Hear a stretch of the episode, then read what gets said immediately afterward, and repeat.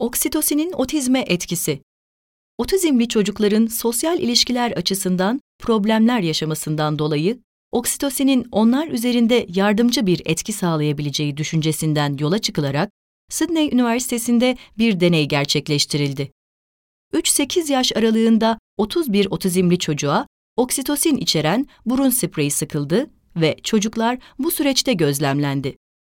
Deneye katılan çocuklardan Hayden'ın annesi, 3. ve 4. haftalarda farkı hissetmeye başladıklarını, 5. haftadaysa gerçekleşen değişimden gerçekten memnun olduklarını söylüyor.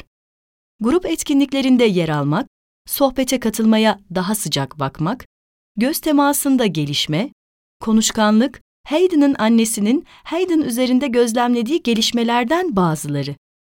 Bu çalışmayla birlikte oksitosinin otizmli bireyler üzerinde sosyal davranışları geliştirmeye yönelik yararlı olduğu görülmesiyle birlikte, oksitosinin otizm için kesinlikle bir tedavi olmadığı da vurgulanıyor ve gelişmelerin yanı sıra bazı katılımcılarda susuzluk, ürinasyon ve kabızlık gibi yan etkiler görüldü.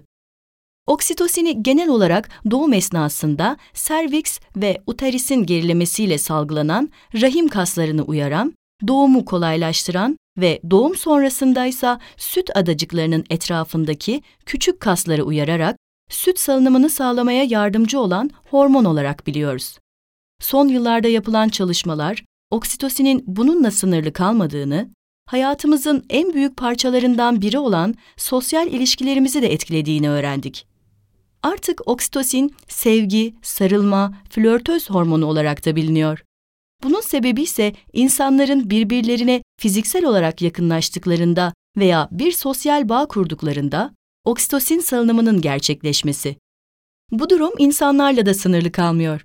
Köpeğinizle oyun oynamak bile bu hormonun salınımını tetikliyor.